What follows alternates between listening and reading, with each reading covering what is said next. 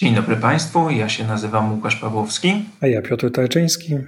I zapraszamy na kolejny odcinek podcastu amerykańskiego. Dzisiaj porozmawiamy sobie po raz nie wiadomo który o wyborach prezydenckich, które odbyły się już ładnych kilka tygodni temu, 3 listopada, ale jedna ze stron tych wyborów wciąż nie chce zaakceptować ich wyników i wciąż próbuje je podważać. Mówiliśmy o tym na wiele tygodni przed wyborami, że coś takiego może mieć miejsce i ma miejsce, i Trump nieustannie próbuje wmówić Amerykanom czy wmówić swoim zwolennikom, że wyborów nie przegrał. Ja dodam tylko na początek, że robi to w czasie, kiedy pandemia w Stanach Zjednoczonych bije absolutne rekordy, jeżeli chodzi o liczbę zakażonych, jeżeli chodzi o liczbę zmarłych. Tylko w piątek w Stanach Zjednoczonych stwierdzono 187 428 nowych przypadków, zmarło prawie 2000 osób, 1962. W tym czasie prezydent nie robi absolutnie nic, by z pandemią walczyć, za to robi absolutnie wszystko, żeby podważać amerykańską demokrację i żeby przekonać nie wiem kogo, że jednak wygrał wybory. Piotr, co dokładnie robi?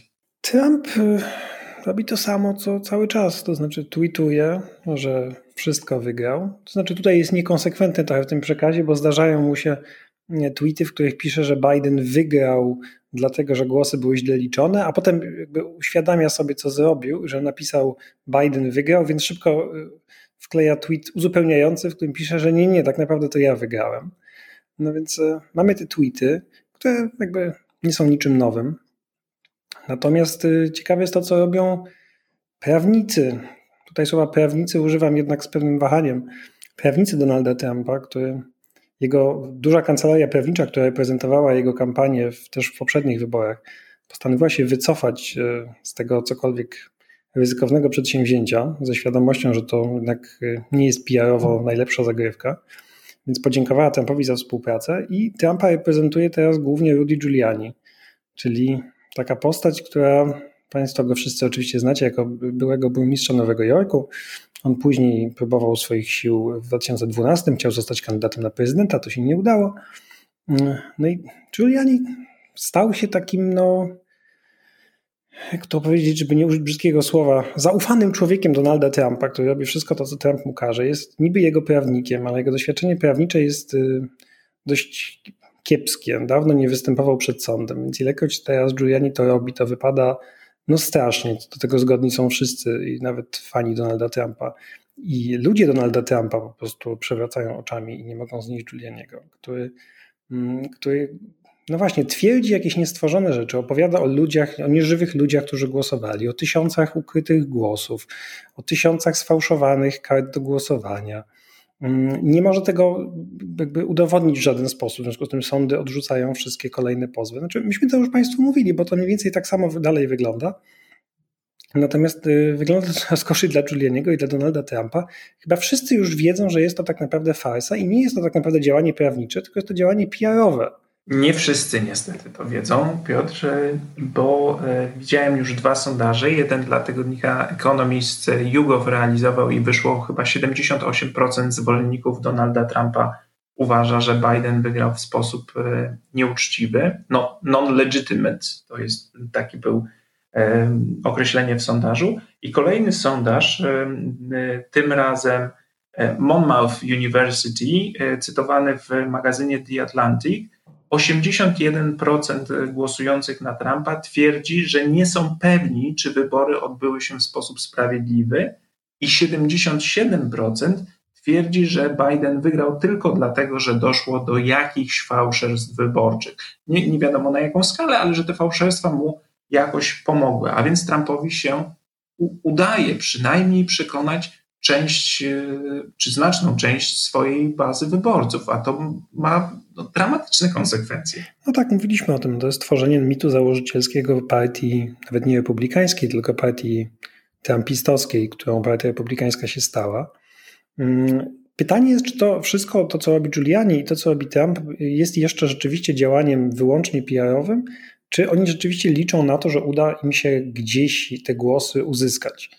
bo y, wydaje się, że to jest tylko PR, dlatego że mm, no, nie są w stanie przedstawić żadnych dowodów i mówią o tym nawet zwolennicy Trumpa, na przykład, nie wiem, dziennikarze Fox News, znaczy Tucker Carlson, czyli taki naprawdę jeden z najbardziej pro-Trumpowych prezenterów Fox News, mówi, podajcie nam dowody, czekamy na jakieś dowody, nic nam nie, niczego tutaj nie ma, nie ma z czym pracować, nic dziwnego, że te sądy odrzucają, ale z PR-owego punktu widzenia, jak sam mówisz, to działa, to znaczy baza Trumpa jest przekonana, że Trump y, zdobył drugą kadencję i demokraci to ukradli, skutki są straszne.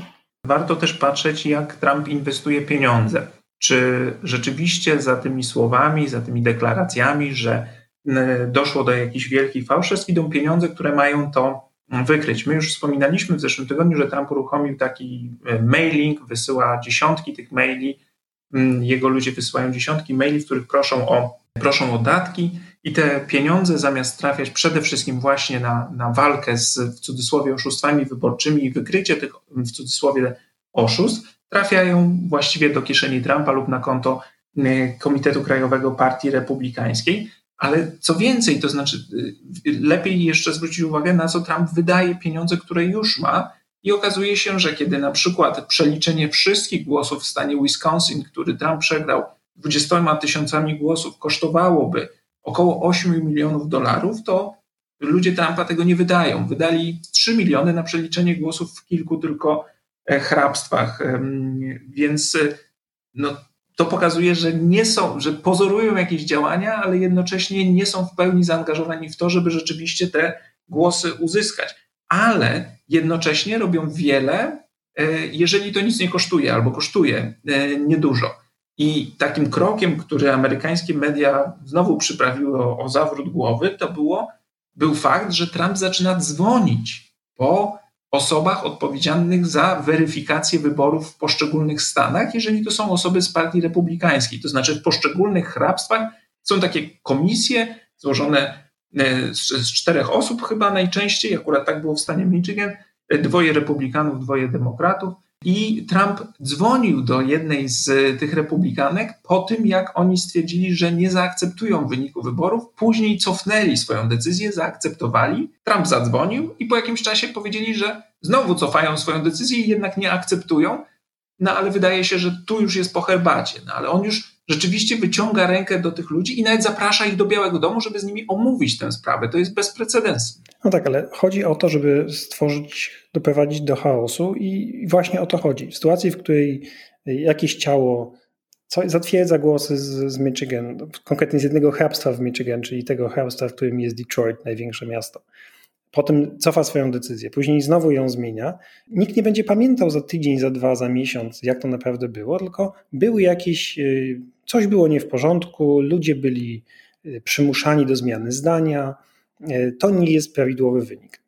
To, co chcą zrobić republikanie w Michigan, z czym się nawet nie kryją prawnicy Trumpa, nie, już nawet nie mówię o Giulianim, tylko o innej prawniczce z tej ekipy, to doprowadzenie do sytuacji, w której nikt nie zatwierdzi oficjalnie głosów w Michigan i wtedy, zgodnie z prawem, aczkolwiek to prawo jest też dość takie no, niejasne i to mówią prawnicy, Mm, o wyborze elektorów z tego stanu, a to jest 16 elektorów, zdecyduje, może zdecydować legislatura stanowa, w której e, większość mają republikanie. Czyli teoretycznie, myśmy chyba o tym scenariuszu mówili w jednym z poprzednich odcinków, jako o czymś kompletnie absurdalnym, ale y, wtedy teoretycznie republikańska legislatura mogłaby powiedzieć, no, wyniki z y, Detroit nie są do końca jasne i wyniki z naszego stanu nie są jasne. Nie wiemy, kto wygrał, w związku z tym my wysyłamy 16 elektorów i są to elektorzy głosujący na Trumpa. Sęk w tym, że tych 16, 16 elektorów nie jest w stanie zmienić wyniku wyborów, dlatego że przy 306 głosach elektorskich na y, Bidena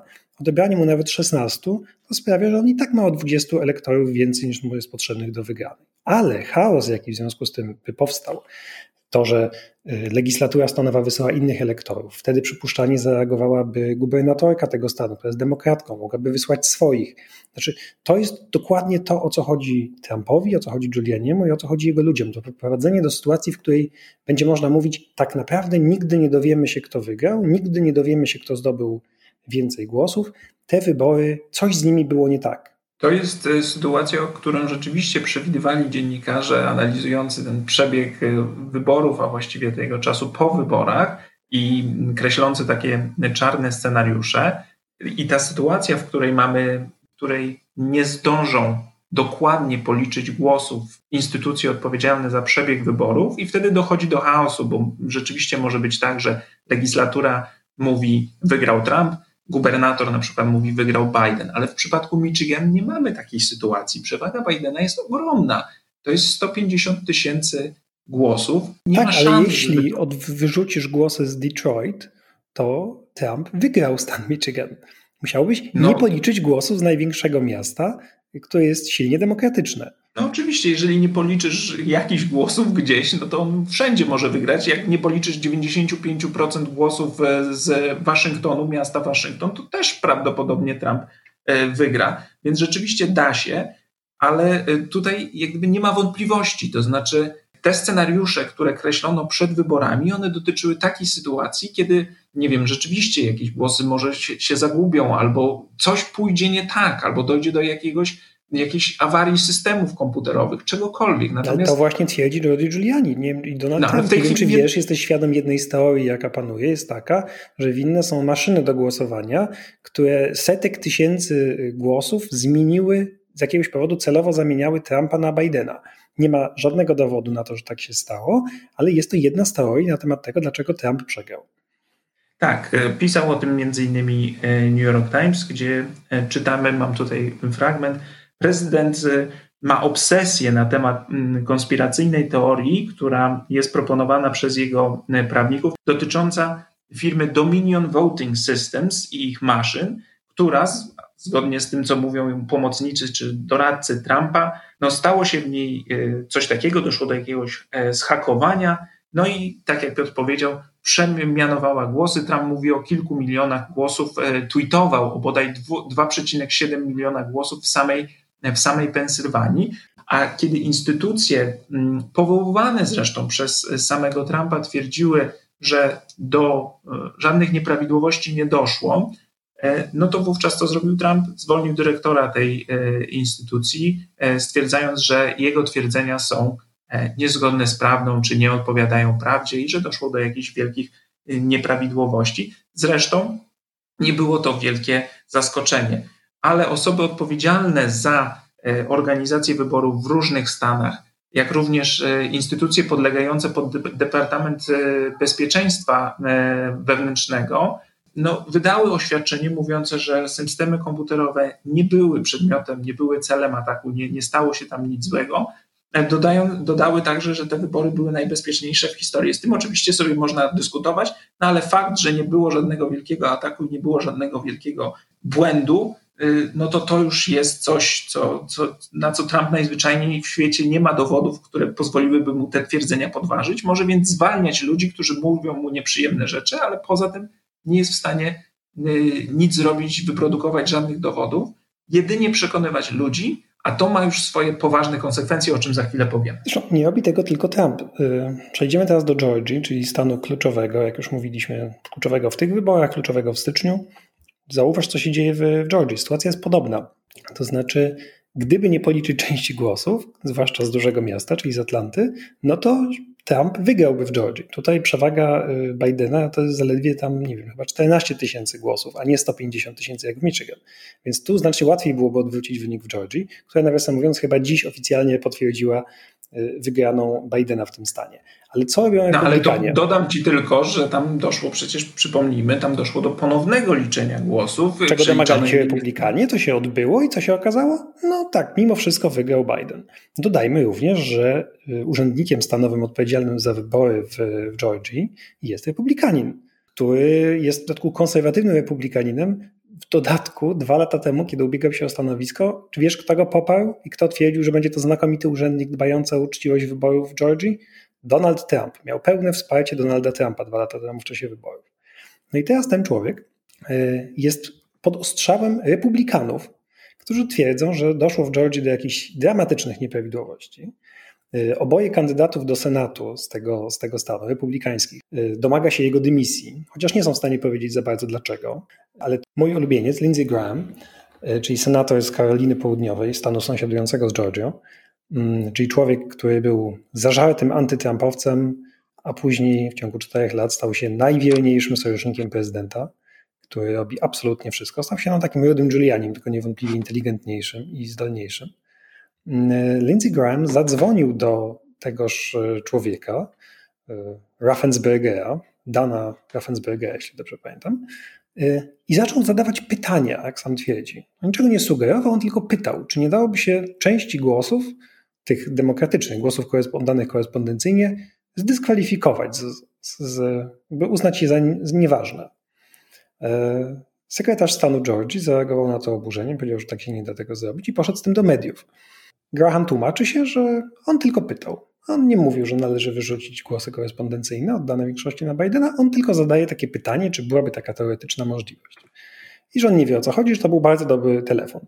Co nawiasem mówiąc przypomina na bardzo twierdzenia y, Trumpa, że jego telefon do, z prezydentem Ukrainy Zełęńskim to też był znakomity telefon i nie bardzo wiadomo o to cały ten impeachment. No i teraz teoretycznie rzeczywiście Lindsey Graham nie zrobił no nie powiedział, proszę usunąć część głosów albo proszę sfałszować wynik wyborów, no ale jest to jednak y, coś, z czym w Stanach nie mieliśmy do czynienia. Znaczy, żeby urzędujący senator domagał się od innego urzędnika, w innym stanie w dodatku, no, wypaczenia wyniku wyborów, no bo nie, nie wiem, jak to inaczej nazwać.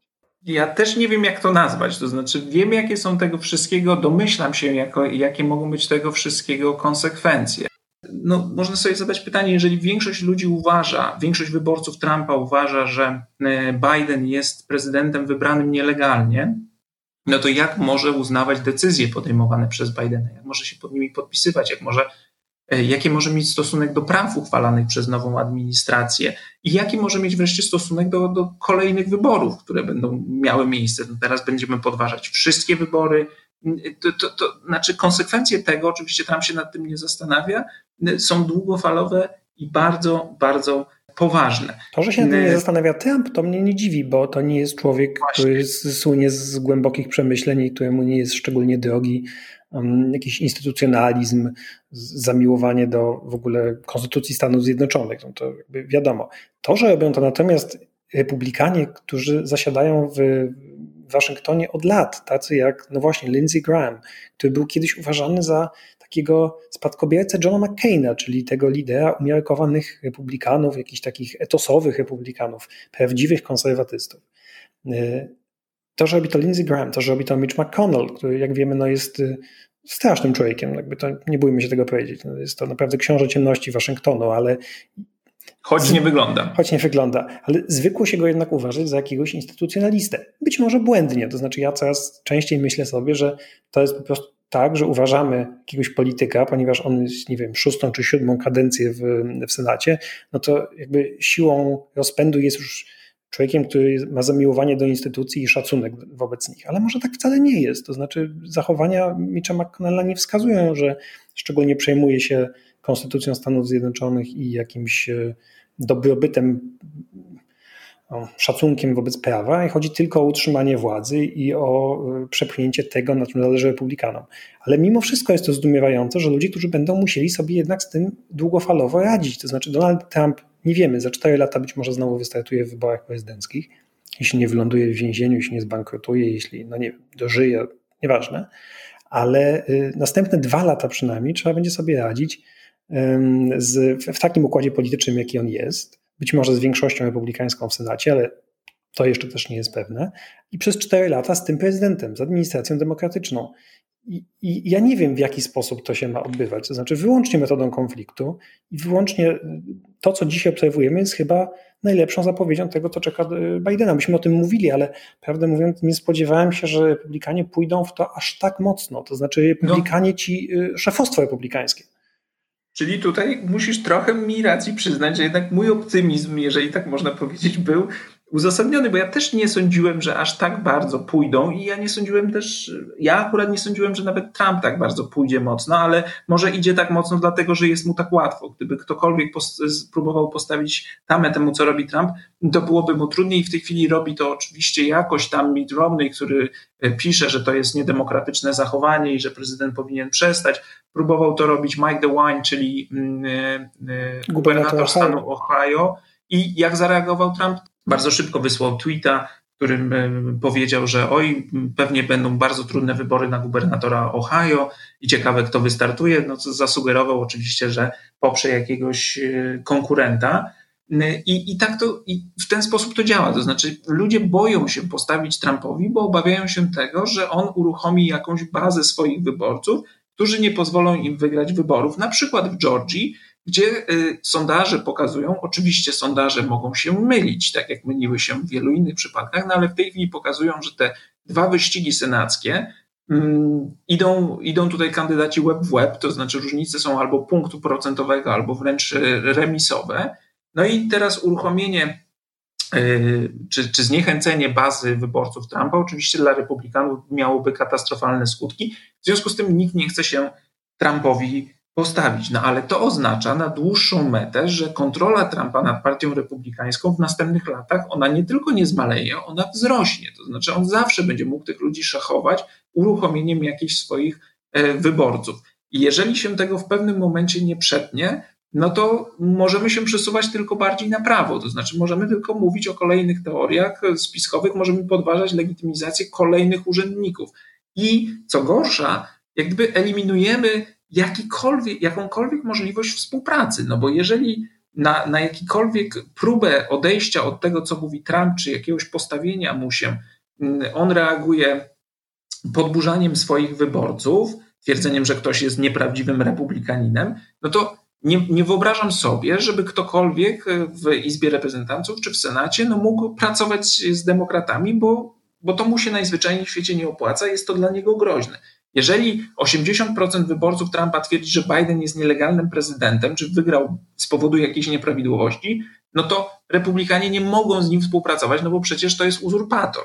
No więc na dłuższą metę to prowadzi do sytuacji, w której nic nie da się zrobić, chyba że jedna partia ma absolutną większość lub próbuje rządzić za pomocą aktów wykonawczych, obchodząc y, legislaturę. No to jest, to, to, to jest gnicie systemu przez następne lata i żadnej nadziei na to, żeby było lepiej. A wspominaliśmy tutaj mm, tydzień czy dwa tygodnie temu taki tekst e, Davida Brooksa, który liczył na to, że znajdą się umiarkowani senatorowie i którzy i, i, uda się zbudować większość wokół przynajmniej kilku najważniejszych projektów. No nie uda się. Ja to mówiłem, bo... ja to dwa tygodnie temu mówiłem, że ten Brooks to jest naprawdę jakiś palcem po wodzie pisane yy, po prostu klechdy, bo to jest niemożliwe. No i wydaje mi się, że, że tak jest, że, że nie da się y, zbudować żadnego, mm, żadnej większości E, I tutaj jeszcze kilka takich danych można, powiedzieć, można podać, pokazujących, jak bardzo republikanom się nie opłaca współpracowanie z demokratami. Warto zwrócić uwagę, że demokraci nie wygrali wyścigu do Senatu w żadnym stanie, w którym wygrał Trump. Jedynym stanem, w którym e, wygrała senator republikańska i stanem, w którym wygrał jednocześnie Biden, to jest Susan Collins to pokazuje, jak te stany są podzielone, czyli jakby nie ma takiego stanu, gdzie mamy senatorów z, jednego, z jednej partii, a prezydenta z drugiej. Teraz przed wyborami w Georgii na 50 senatorów Partii Republikańskiej, którzy już są wybrani w tej chwili, mają swoje miejsce zapewnione, tylko trzech pochodzi z, ze stanów, w których wygrał w tym roku Biden. Tylko trzech. To jest Susan Collins, to jest Ron Johnson ze stanu Wisconsin i Pat Toomey ze, z Pensylwanii to też pokazuje, e, że, że te dwa światy są tak rozdzielone od siebie, że znów republikanom, którzy wygrywają w Stanach, gdzie wygrywa także Trump, no nie opłaca się współpraca z przeciwnikami. No i wiele wskazuje na to, że Piotr niestety miał rację, mówiąc tydzień czy dwa tygodnie temu, że jedynym celem republikanów w tej chwili, jeśli chodzi o odmawianie współpracy, jest po pierwsze wygranie w Georgii, o tym wspominaliśmy, ale po drugie takie utrudnienie życia Bidenowi i jego administracji, żeby mu po prostu nie wychodziło. Nawet nie wychodziła walka z epidemią. No i w związku z tym jego szanse na mm, reelekcję czy szanse demokratów w wyborach y, midterm za dwa lata będą mniejsze. Czyli no wiele wskazuje na to, że ci ludzie ryzykują zdrowiem i życiem Amerykanów tylko po to, żeby zwiększyć swoje szanse wyborcze za dwa lata. No i ja się z tym zgadzam, bo dokładnie to mówiłem tydzień temu. I y, nie jest to teoria spiskowa, jest to po prostu ocena tego, co widzimy. Nie chodzi o walkę z pandemią, y, chodzi o to, żeby Bidenowi utrudnić, żeby piasek w tyby, y, kije w szpychy i tak dalej. Na szczęście, jakby tutaj jeden pozytyw, jaki tego widzę, że nie pozytyw, ale e, to jest to, że Biden nie jest nowicjuszem. Biden już był w Białym Domu, Biden już naprawdę zna Waszyngton jak własną kieszeń. W związku z tym to, że republikanie utrudniają mu ten etap e, przejścia, jakby przejście między administracją Trumpa do administracji Bidena, utrudniają jak tylko mogą i zacznie się to później. No nie będzie to łatwe, nie będzie to takie klasyczne e, coś, jak się odbywało na przykład między administracją Busha a administracją Obamy, to na szczęście jakby doświadczenie Bidena i ludzi, których jak sądzę Biden wybierze, e, pomoże to jakoś zmitygować. To znaczy będzie im łatwiej niż na przykład gdyby miał Obama w analogicznej sytuacji. E, natomiast też mam wrażenie, nie wiem czy to widzisz, że Biden coraz, coraz bardziej widzi, co się dzieje i coraz bardziej jest otwarty na perspektywę rządzenia dekretami wykonawczymi i, i po prostu chyba jego entuzjazm wobec współpracy z republikanami który przedstawiał jeszcze niedawno, chyba mija. To znaczy, chyba widzi, że to nie jest droga, którą da się będzie, którą będzie się dało pójść. No, ale to oznacza po prostu wojnę na wyniszczenie. To znaczy, e, to oznacza, że nawet nie ma sensu szukania kompromisu czymkolwiek. To jest po prostu przepychanie własnej agendy bez szukania porozumienia. Jeżeli jakiś republikanin przypadkiem zagłosuje, zdecyduje się zmienić, postawić prezydentowi Trumpowi, no tak jak wspominamy, to, jest, to są dwie, trzy osoby potencjalnie, no to super, a jeżeli nie, no to, to przepychamy jak możemy e, własnymi siłami. Oczywiście wiele zależy od tego, jak będzie ostateczny wynik w stanie Georgia i to nam trochę ustawi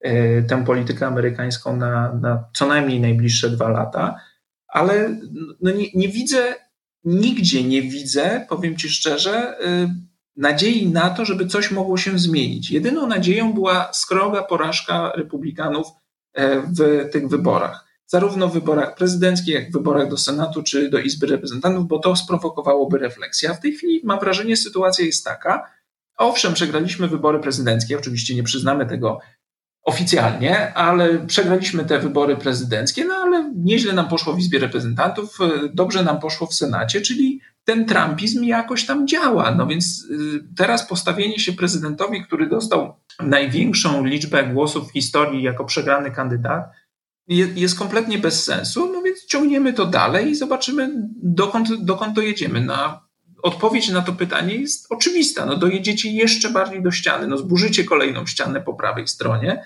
i no ja, ja naprawdę nie widzę, jak ten system ma na dłuższą metę w takim kraju jak Stany Zjednoczone działać. To znaczy, gdzie to się kończy twoim zdaniem? Bo na reformie ja, systemu. Jedyne miejsce, gdzie to się może skończyć, no tak, to na do, do którego nie masz... systemu, na którą teraz no. nie ma szans. Bo też dodajmy, że to, że y, co mam wrażenie, nie powiedzieliśmy tego, kiedy analizowaliśmy wynik wyborów do Senatu i do Izby Reprezentantów.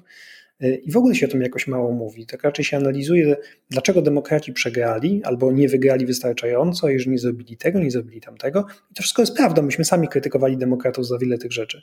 Ale wiesz, o czym zapomnieliśmy? I my, i mam wrażenie wielu komentatorów, o systemowych.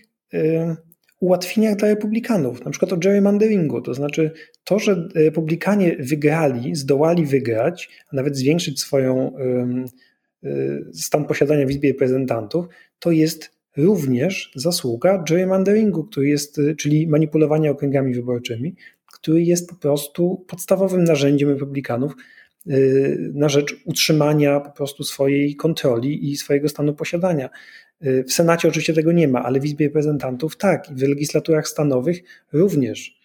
Y, to jest też bardzo, bardzo ważne. Republikanie też dlatego tak działają, jak działają, bo oni nie mają za bardzo alternatywy. To znaczy, to jest ich podstawowa metoda y, utrzymywania się przy władzy.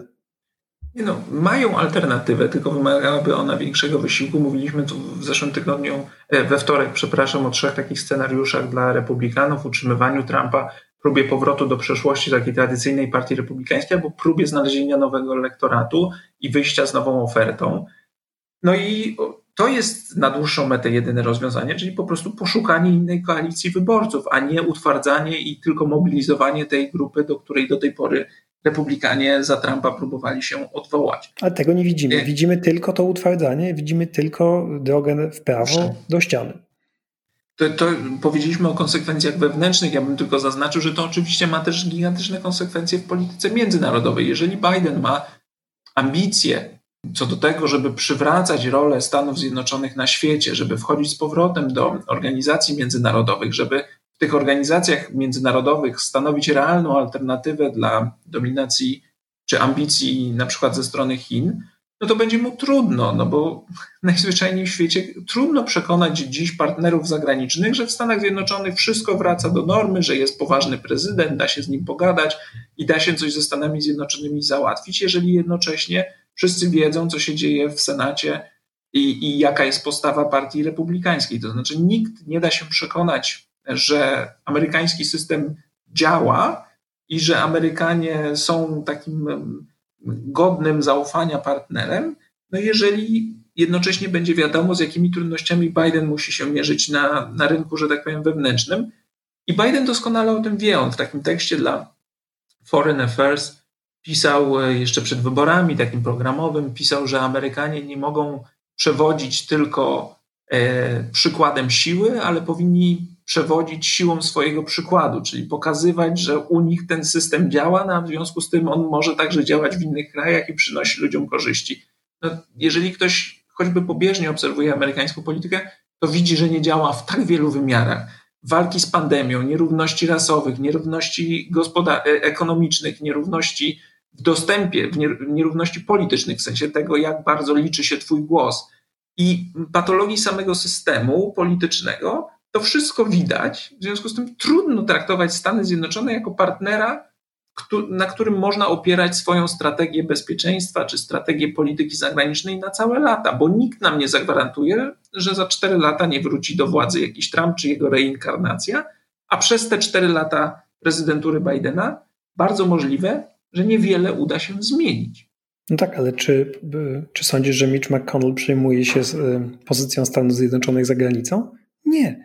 To jest wszystko sprowadza się do tego, o czym mówiliśmy. Chodzi o to, żeby tam Bidenowi było trudno. To znaczy, żeby było mu trudno w polityce wewnętrznej i w polityce zagranicznej. Rozumiem, ale z drugiej strony po prostu zastanawiam się, jakie to ma konsekwencje i, i chciałem tylko powiedzieć tyle, że jeżeli ktoś liczy, że no teraz z Bidenem to będzie łatwiej, bo to poważniejszy człowiek, otoczony ekspertami, da się z nimi rozmawiać. To wszystko jest prawda. E, będzie bardziej przewidywalny, będzie bardziej racjonalny, ale z drugiej strony będzie miał potężne ograniczenia wewnętrzne, bo najzwyczajniej w świecie pracuje z partnerem, który łamie wszystkie niepisane normy, jak gdyby gra w inną grę.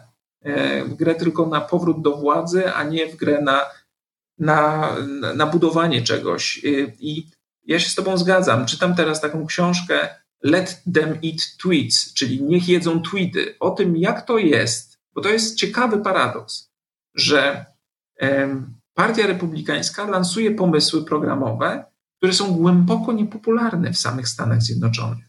To znaczy, e, wiesz, obniżanie podatku dla najbogatszych, cięcie takich systemów opieki społecznej czy pomocy e, medycznej, to nie są rzeczy popularne, jeżeli zadasz ludziom w ten sposób pytanie, czy chciałbyś, żeby bogaci płacili uczciwe podatki, czy chciałbyś mieć dostęp do opieki zdrowotnej, to ludzie tego chcą. Partia Republikańska tego nie chce, a mimo wszystko wygrywa. Wygrywa, tak jak powiedziałeś, gerrymanderingiem, ale też pytanie, które zadają sobie autorzy, jest to, jak oni stworzyli koalicję wyborców, gdzie po jednej stronie masz tych najbogatszych, którzy realnie korzystają na cięciach podatków na przykład, a po drugiej stronie masz tych biednych, którym musisz coś zaoferować w zamian. No i tym, czym w zamian są właśnie bardzo często te teorie spiskowe, czy mm, jakieś takie kulturowe wojny, wszczynane przez, e, przez Trumpa, przez Republikanów i to poczucie wiecznego zagrożenia i, i, i takiej oblężonej twierdzy. No niestety tak to w dużej mierze działa. To nie znaczy, że wszyscy wyborcy republikańscy to rasiści, ale z takim komunikatem, z takim komunikatem, że oto wasze życie jest zagrożone, zaraz stracicie wszystko, no republikanie próbują do, do nich dotrzeć zamiast wyjść z jakimś pozytywną propozycją. Tego kompletnie nie ma. No, no to ustaliliśmy, że nie ma żadnej nadziei, Stany są skupione, Bidenowi będzie ciężko, a Trump, do Trumpa będziemy się musieli przyzwyczaić do jego obecności przez następne 4 lata. W dzisiejszym odcinku to wszystko. Na koniec małe ogłoszenie. Przechodzimy na tryb jednotygodniowy. Wracamy w najbliższą sobotę.